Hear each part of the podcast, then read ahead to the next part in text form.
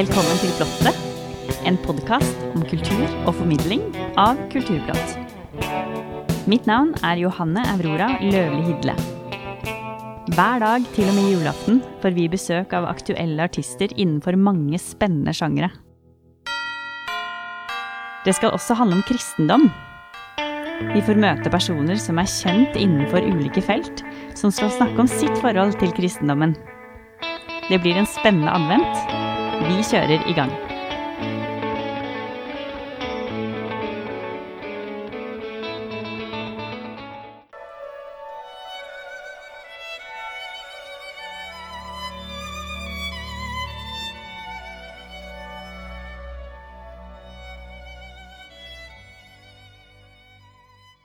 I dag har vi fått besøk av fiolinist Elbjørg Hemsing. Velkommen. Tusen takk. Så hyggelig for å være her. Du er aktuell med albumet ditt Arktis. Kan du fortelle om hvordan du har jobbet med dette albumet? Ja, absolutt. Altså, det har jo vært et veldig sånn passion project, for å bruke veldig bra norsk. Det er jo noe som jeg har hatt lyst til å gjøre i veldig, veldig lang tid. Jeg har vært koronautsatt i over ganske, i hvert fall et år, tror jeg. Men det jeg hadde lyst til å gjøre, var å lage en slags musikalsk reise i Arktis og ta for meg alle forskjellige elementene som du finner der. Ofte når en tenker på Arktis, kanskje spesielt nå i disse dager, så er det jo lett å tenke på bare is som smelter, og vann som stiger, og alt er bare katastrofe, egentlig. Og det med rette. Men jeg hadde også lyst til å vise litt av det livet som finnes der. Alle stykkene som er med på plata, det er jo jeg tror det er 15 spor til sammen. Forhåpentligvis jeg skal være som en slags eh, ja, audiovisuell reise. Det går jo inn på da nettopp er kanskje referansen en har sjøl til det nordområdet. At det ikke trenger å være så konkret. Men så er det jo mye av det som òg er ganske spesifikt. Jeg har tatt for meg musikk som er eh, Det er mye nyskrevne som er til, akkurat det prosjektet. Blant annet en komponist som heter Jakob Shea, som jobber mye med Hans Zimmer og har laget mye musikk til annet BBC dokumentaren som heter Blue Planet. Det er veldig sånn kjempesvært symfonisk lydbilde. Eh, han har skrevet en, en suite for fele og orkester som heter eh, Arctic Suite, passende nok. Eh, og det er, en, det er seks satser. Det starter med Frozen World, og så er det Sunrise. Og så er det på en måte veldig Det er veldig både metaforisk, men også veldig konkret. Da. Og det er veldig artig å spille, ikke minst. Og så har jeg også spurt Frode Fjellheim, som er en fantastisk musiker, og om skrive to små stykker til dette her, med utgangspunkt i hans bakgrunn. Han er jo òg eh, kjent fra samisk bakgrunn og er jo en eh, komponist som skriver utrolig flotte melodier, og med en veldig sånn tradisjonell bakgrunn. Så han har skrevet et par stykker for, han, eh, for å ta med disse flotte titlene. 'Under the Arctic Moon' heter den ene. Og det er Hele tanken rundt dette her er jo at du skal nettopp få en sånn en, en reise i nordområdet. Og så måtte jeg jo ta med noe litt mer tradisjonelt, så jeg har jo med et stykke til Grink, som heter Våren, et stykke til Ole Bull, En sånn stunde, og så er det òg selvfølgelig måtte jo ha med et fantastisk stykke til Henning Sommerå, som heter Vårsøk, som jeg tror mange har et forhold til, blant annet meg sjøl. Eh, så det, det, var, det hele albumet er veldig personlig. Og så føler jeg ganske sterkt til høyret til kanskje nettopp det med natur. Jeg har jo vært en del nordover, ikke minst, men jeg har jo vokst opp i Valdres og med tett kjennskap til å tenke natur og musikk sammen. Og det ble til det prosjektet her. Ja, så mm. utrolig spennende. jo, takk. Hvordan har innspillingsprosessen vært, da? Å, det var Altså, vi skulle jo egentlig ha spilt inn for ja, halvannet år siden, er det vel nå. Og det ble jo I utgangspunktet så var det jo tenkt at vi skulle på en måte få gjennomført det i forhold til planen. Så kom jo korona, alt ble nedstengt, og jeg tipper at du har hatt mange samtaler om ting som ble forandra av korona. Men eh, er jo, det er jo med Arktisk Filharmoni som jeg har spilt inn med. Jeg har spilt inn i Bodø, i den fantastiske salen som heter Stormen. Eh, og vi er jo, ja, det er jo 80 stykker, tror jeg, vi var i orkesteret. Og faktisk samtidig, når vi spilte inn, så hadde de òg gitt en residens, eller gitt egentlig plass, til strykere fra Kiev. Så Kiev, jeg tror det var solistene, Kiev-solistene var jo òg med og spilte, og det føltes veldig spesielt, må jeg si. Men var jo plutselig kjempemange og spilte inn. Og vi hadde jo en uke um, cirka til opptak. Mye repertoar, mye som skulle på plass, men det var helt uh, fantastisk. Og ikke minst føltes det og føles det nå. Helt utrolig fint å faktisk endelig spille inn noe godt. Mm. Det har jo plutselig gått flere år ut av gjort uh, andre innspillinga. Så det kom i gang igjen, det er herlig. Ja. ja. Hvor lenge er du har planlagt denne platen, da? Ja, hvor lenge er det, ja? Det er jo jeg tror kanskje tre år til sammen, sånn cirka. Mm. Dette tar litt tid. men, men eh, Og så er det jo Jeg syns det er eh, som Altså, jeg er jo en klassisk musiker og er jo mest vant til å spille repertoar som har eksistert i veldig lang tid. Spesielt kanskje 1800-repertoaret, det som går over 1900-tallet, altså veldig det romantiske, impresjonisten osv. Og, så og det egentlig har vært en veldig artig prosess å kunne være med å lage nye ting. Ting som ikke har vært hørt før, eller gjøre en ny arrangement. Eh, og det, den type prosess tar jo òg litt tid. Ja. Mm. Har du jobbet mye med komponistene? En god del.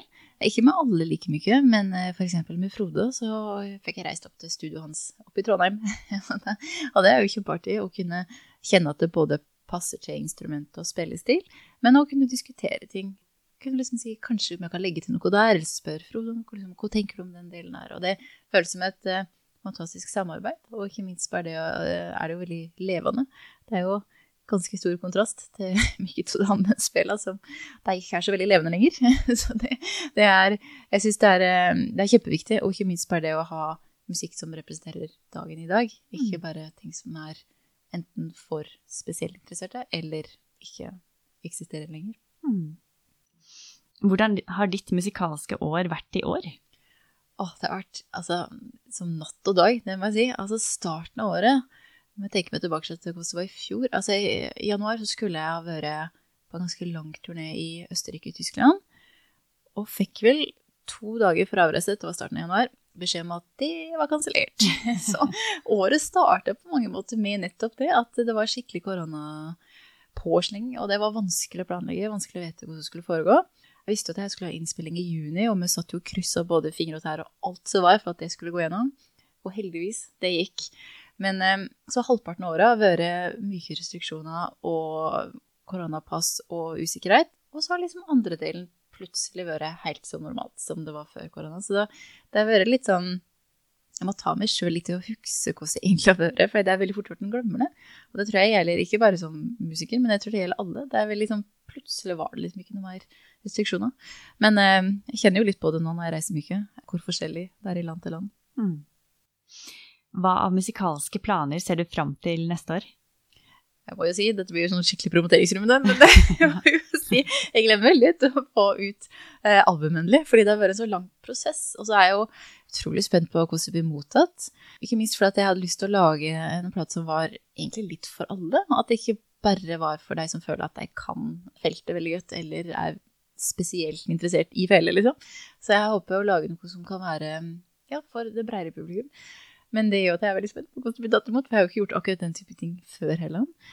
Ellers er jo jeg har mange konserter på planen som jeg gleder meg veldig til. Det er mange konserter som har kommet inn igjen, som har vært kansellert. Og spiller jo mye nå i kanskje spesielt i England og USA og i Sentral-Europa. Så det å liksom bare komme litt i gang altså, med å være, være på turné, det er jo det er kanskje det som har vært noe vanskeligste, å ikke kunne tenke på noe selvfølgelig ettertid. Men det å være liksom ja, si, skapende kunstner, kan jeg si det med litt rynka nase, for det høres veldig pretensiøst ut. Men det er liksom å bare liksom være i øyeblikket, da. Og det krever jo at en trenger jo å ha et publikum. Og trenger å ha noe som Den energien som oppstår når en på en måte skal skape noe. Det, det trenger en, rett og slett. Så det, det gleder jeg meg mest til. Å komme liksom enda mer i gang med det. Mm.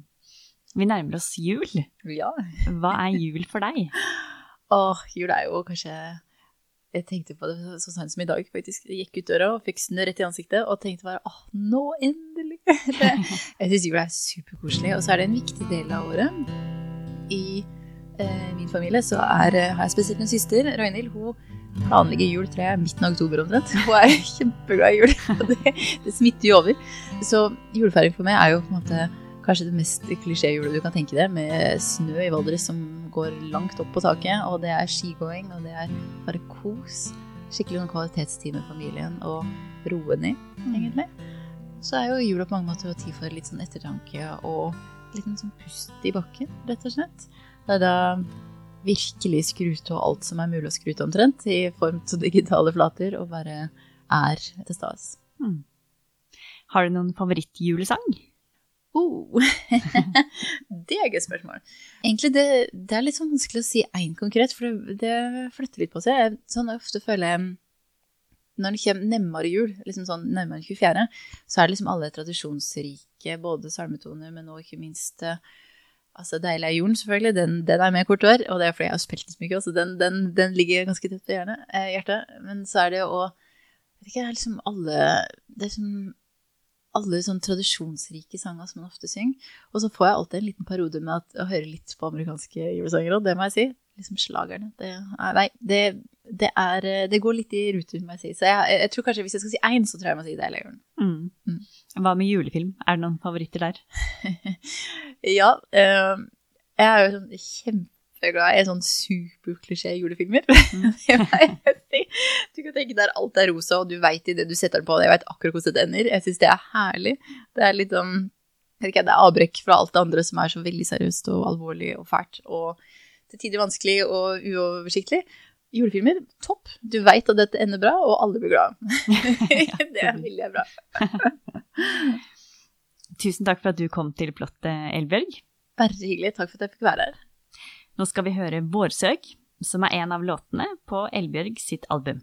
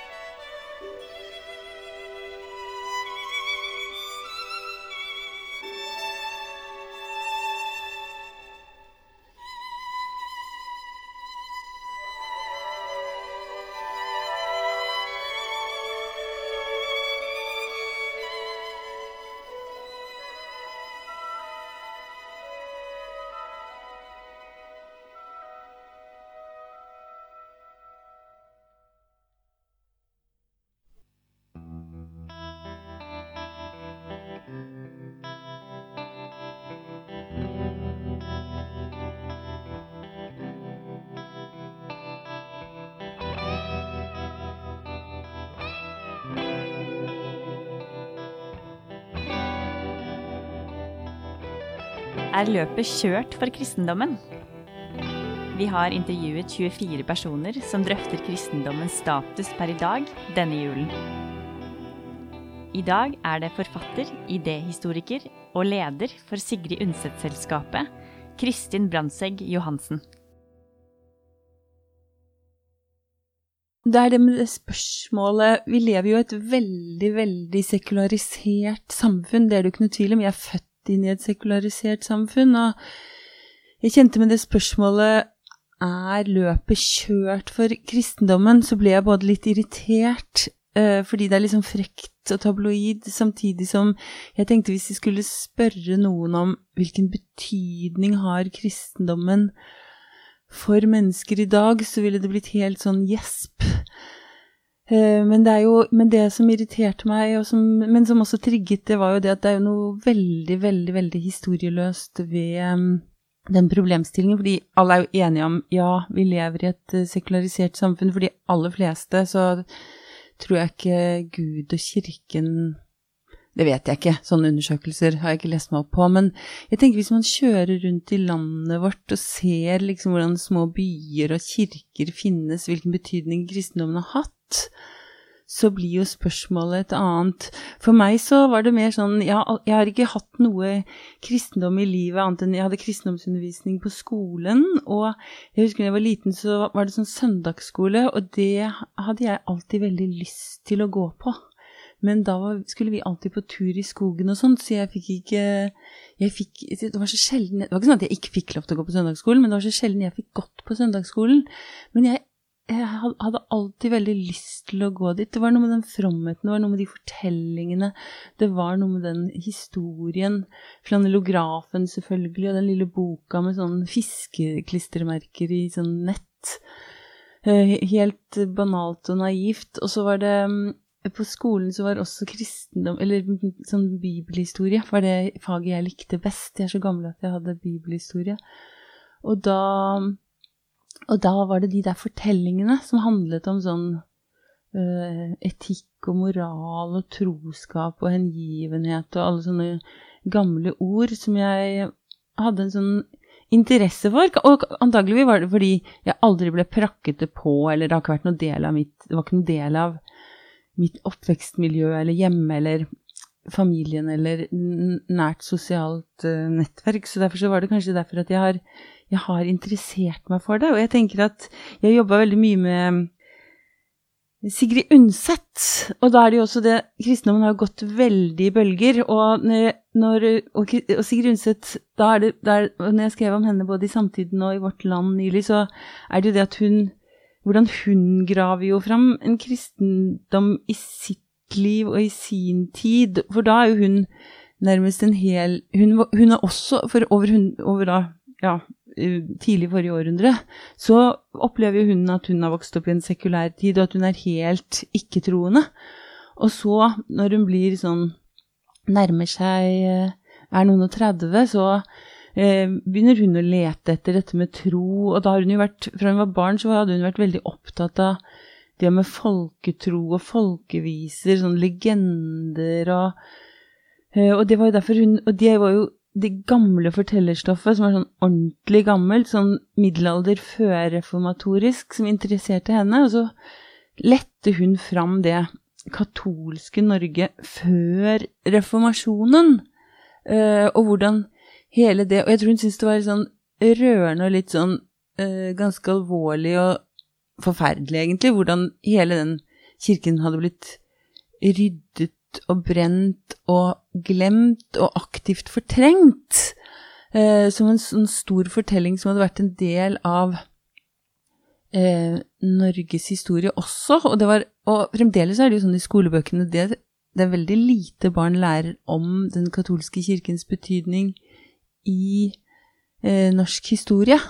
Så det er akkurat som det eh, Kirken er jo også noe, er jo mange ser på det som en sånn maktfaktor, at det er sånn hjernevask, eller at det er eh, sånn påtrengende. Men jeg tenker at de der fortellingene, bibelhistoriefortellingene og kirken, det er også noe eh, som har blitt eh, i hvert fall i mange liv, tenker jeg, jeg, jeg, og jeg opplever det sånn. Det er interessant å finne det fram. For Sigrid Undset så ble det et veldig interessant prosjekt, det å lete fram den katolske fortida. Og det var jo også i den eh, store fortellingen om nasjonsbyggingen, som var da etter 1907 og unionsoppløsningen, så var det jo klart at hva er det norske, hva er det norske folk, hva er vår identitet, hvem har vi vært?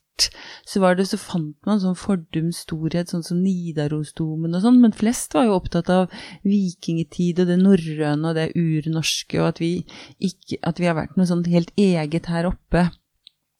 Men for Sigrid Undset da å lete fram den katolske fortida og finne ut at det også er en stor del av vår identitet. Sånn sett så det jo, har jo den kirkens tilstedeværelse eller betydning Det har liksom bølget Det har jo bølget i flere, i flere hundre år. Det er jo ikke sånn at eh, den har vært noe sånn massivt som nå er borte, eller vi vil ikke ha det der mer. Eller vi vil ha det der. Det er vel mer det at eh, det har gått så um, veldig i bølger. Og jeg leste også når um, Mona Ringvei, historiker, som har skrevet en nydelig bok som heter om, Det er flere, mange fortellinger om Norge, som heter 'Landet mot nord'. Nå har hun skrevet enda en bok, men den kom i fjor, jeg var veldig glad i den boka. Og hun skrev om at reformasjonen Det var ikke bare at reformasjonen eh, reform, at vi fikk en reformert kirke, men at reformasjonen eh, på en måte nærmest utryddet, eller etter reformasjonen så ble, da ble kirken borte, det som var den katolske moderkirken. Så jeg tenker vel det at eh, Eh, sånn som jeg interesserer meg for kirken, eller sånn som jeg da har vært interessert i hvordan Sigrid Undset gravde fram fortellingen om den katolske kirken, så er vel det mer det at det med tro og hva kirken har Hvilken betydning den har hatt i norsk historie, det er jo mer også som noe sånn sårbart interessant. Det er mange fortellinger der som kan letes fram. Jeg tenkte på det, det der med Maria Gullsko og marikåpe Det er mange planter i floraen vår som har navn etter jomfru Maria. Det må jo være sånn overlevelse og overlevninger etter den katolske fortida som ikke ble ryddet ut. Det er, ma det er marisko, og det var syv jeg kom til, som var um, Mari, Mari Mjelle Det er flere, syv forskjellige blomster som fremdeles bærer Marias navn etter den katolske fortida. Altså, kirken er jo, det, det, religiøse er jo også sånn Er løpet kjørt? Det er også noe man kan lete fram igjen i fortellinger og sammenhenger i norsk historie. Det var det jeg hadde lyst til å um, si noe om. Uh, noe om, at, og, det, og, at det interesserer meg. Jeg tenker at tro er jo ikke noen sånn skråsikker sak, så jeg er vel sånn som mange som tror, eh, tror og håper, at det er veldig knytta til håp, og at jeg ber til Gud når jeg er redd for noe, eller for noen. Særlig når jeg er redd for noen, så, jeg, så ber jeg gjerne til Gud. Og så kan jeg også henfalle til det å takke når det er noe jeg er veldig, veldig, veldig glad for. At det er akkurat som en vil ha en sammenheng som er um, større enn den hverdagen eller den sekulariserte, den og snusfornuften og rasjonaliteten og vitenskapen og alt det som selvfølgelig er viktig.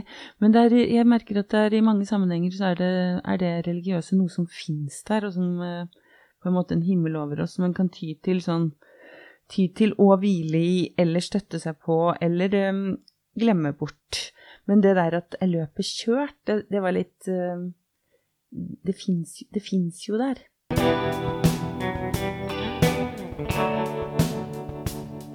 Følg med på alt som skjer i kulturverdenen på kulturplott.no.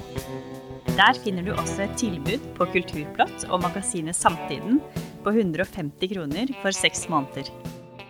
Programleder og teknisk ansvarlig for denne sendingen var Johanne Aurora Løvli Hidle.